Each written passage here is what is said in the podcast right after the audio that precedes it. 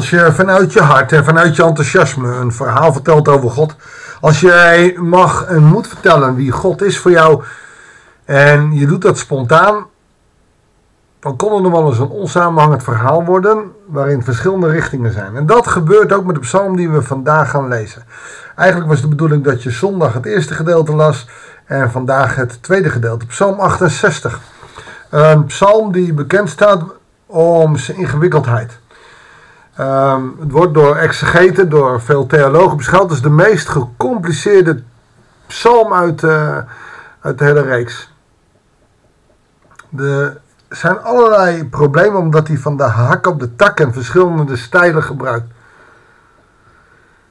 Het is ook heel moeilijk om een goede verdeling te maken van de psalm.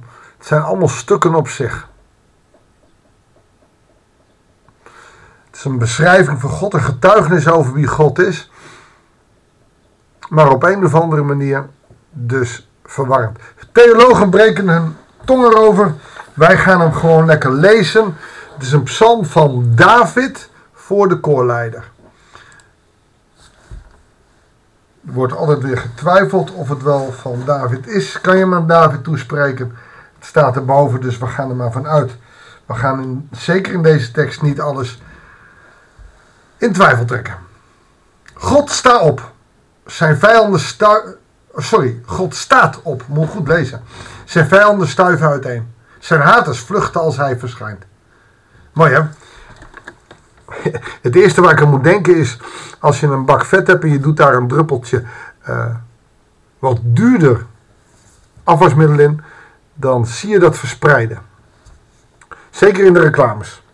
En zo gaat het ook als God opstaat. Als God kenbaar wordt, als God duidelijk wordt. En God wil kenbaar zijn op deze aarde door zijn gelovigen, door zijn beminden. Maar het gebeurt haast niet dat vijanden uiteenstijven. We hebben het al eerder gehad, we zijn niet meer vol ontzag voor de naam van God. Je wordt uitgelachen om de naam van God. Maar niemand meer het van angst als hij die naam hoort en er niet in gelooft. Kijk, als je erin gelooft, hoef je niet van angst te zitteren. Maar hij zal vol ontzag behoord moeten worden als zijn naam bekend is. En misschien komt dat wel door de tijd, misschien komt het ook wel doordat vloeken zo gewoon is. Je gebruikt Gods naam gewoon overal maar voor. En de tijd heeft God naar de achtergrond gedrukt. U verdrijft ze zoals de winter ook verdrijft. Zoals was smelt bij het vuur, zo vergaan de zondaars als God verschijnt. Machtige verbeelding over hoe het zal zijn als God. Het is ook wel zo dat God aangezicht is zo fel dat als je hem aankijkt, als je God zou zien, dan zou je wegsmelten als was voor de zon omdat wij het aangezicht van God niet kunnen aanschouwen. Vers 5. Zingt voor God, bezingt zijn naam. Maak ruim baan voor hem die de vlakte rijdt. Heer is zijn naam, jubel als hij verschijnt. Vader van wezen, beschermer van weduwe. God in zijn heilig verblijf. God geeft eenzamen een thuis. Een gevangene vrijheid en voorspoed. Maar opstandigen zullen wonen op dor, dorre grond. Het gekke is, hij gaat hier over in een getuigenis, in een lofpsalm. En dan opeens gaat hij over, gaat hij over op eenzame en minder bedeelden. Dat is mooi, maar hij switcht dus opeens van vijanden naar uh, niet de tegenstanders, maar de mensen die hem nodig hebben. De zwakker in de samenleving.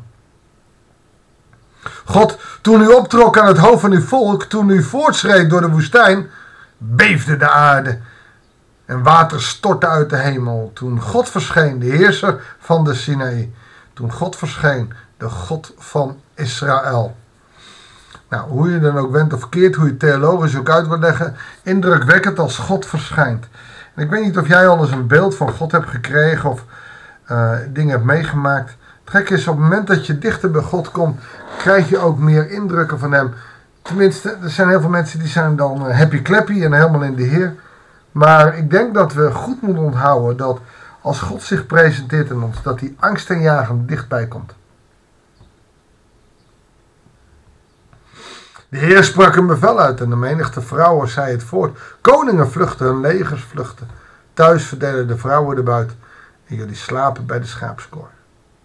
Het aardige is dat hier vrouwen wordt gebruikt. Een vrouw is in die tijd helemaal niks. Een man zit in het leger, een vrouw die doet het huishouden. Om nu de vijanden te beledigen, gebruikt hij de vrouwen die het voortzeggen, maar ook de vrouwen die de buit verdelen.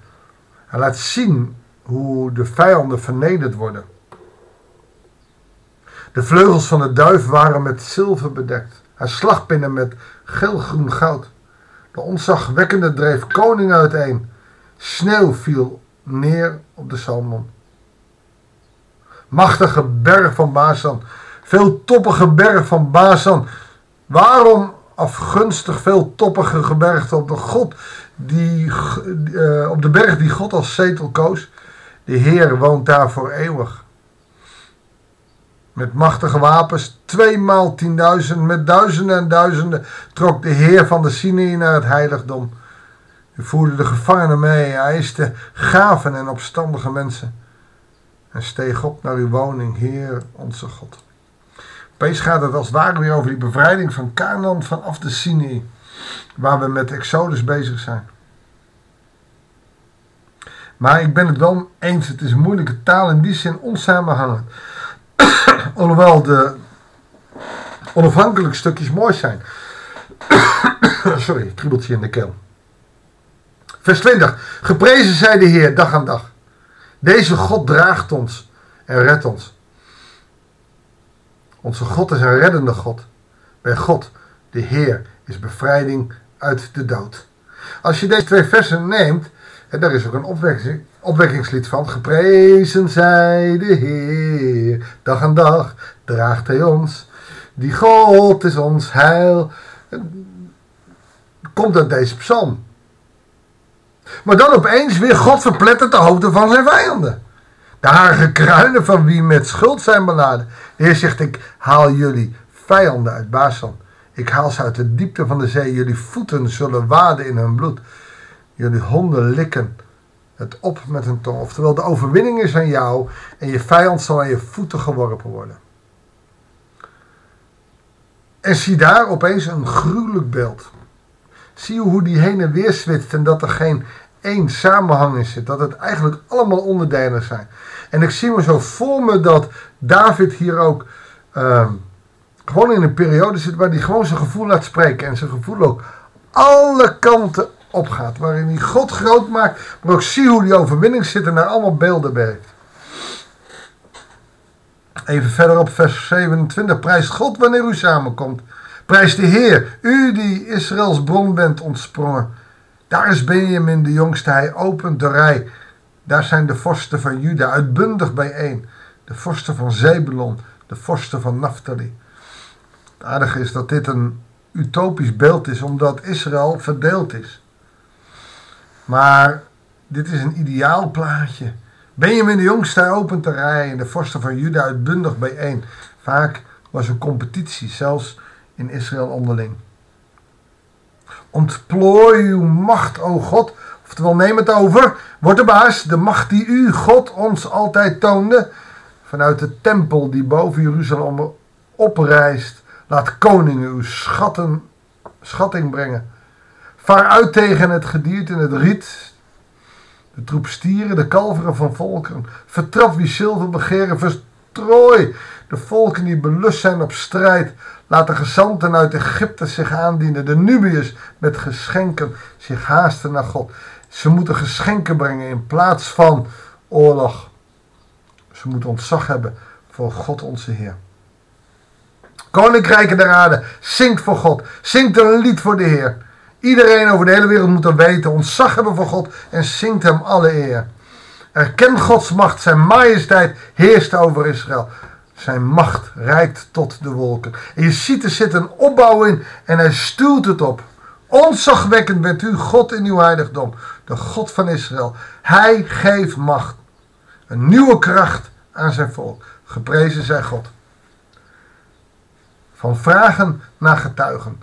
En dus hoe ingewikkeld de psalm ook mogen zijn. Psalm 68 stuwt op naar de lofprijzing van de Allerhoogste, de God die boven alles uitgaat. Zullen we danken en bidden? Heer God, dank u wel voor dit woord. Dank u wel voor de machtige kracht waarin deze woorden ook tot uiting komen. Heer God, leer ons zo door de kracht van uw Heilige Geest ontzag te hebben voor uw naam. Omdat uw naam niet alleen maar lief en aardig is. Maar wanneer u recht spreekt, dan donderen de bergen op hun grondvesten. Dan bliksemt het vanuit de hemel.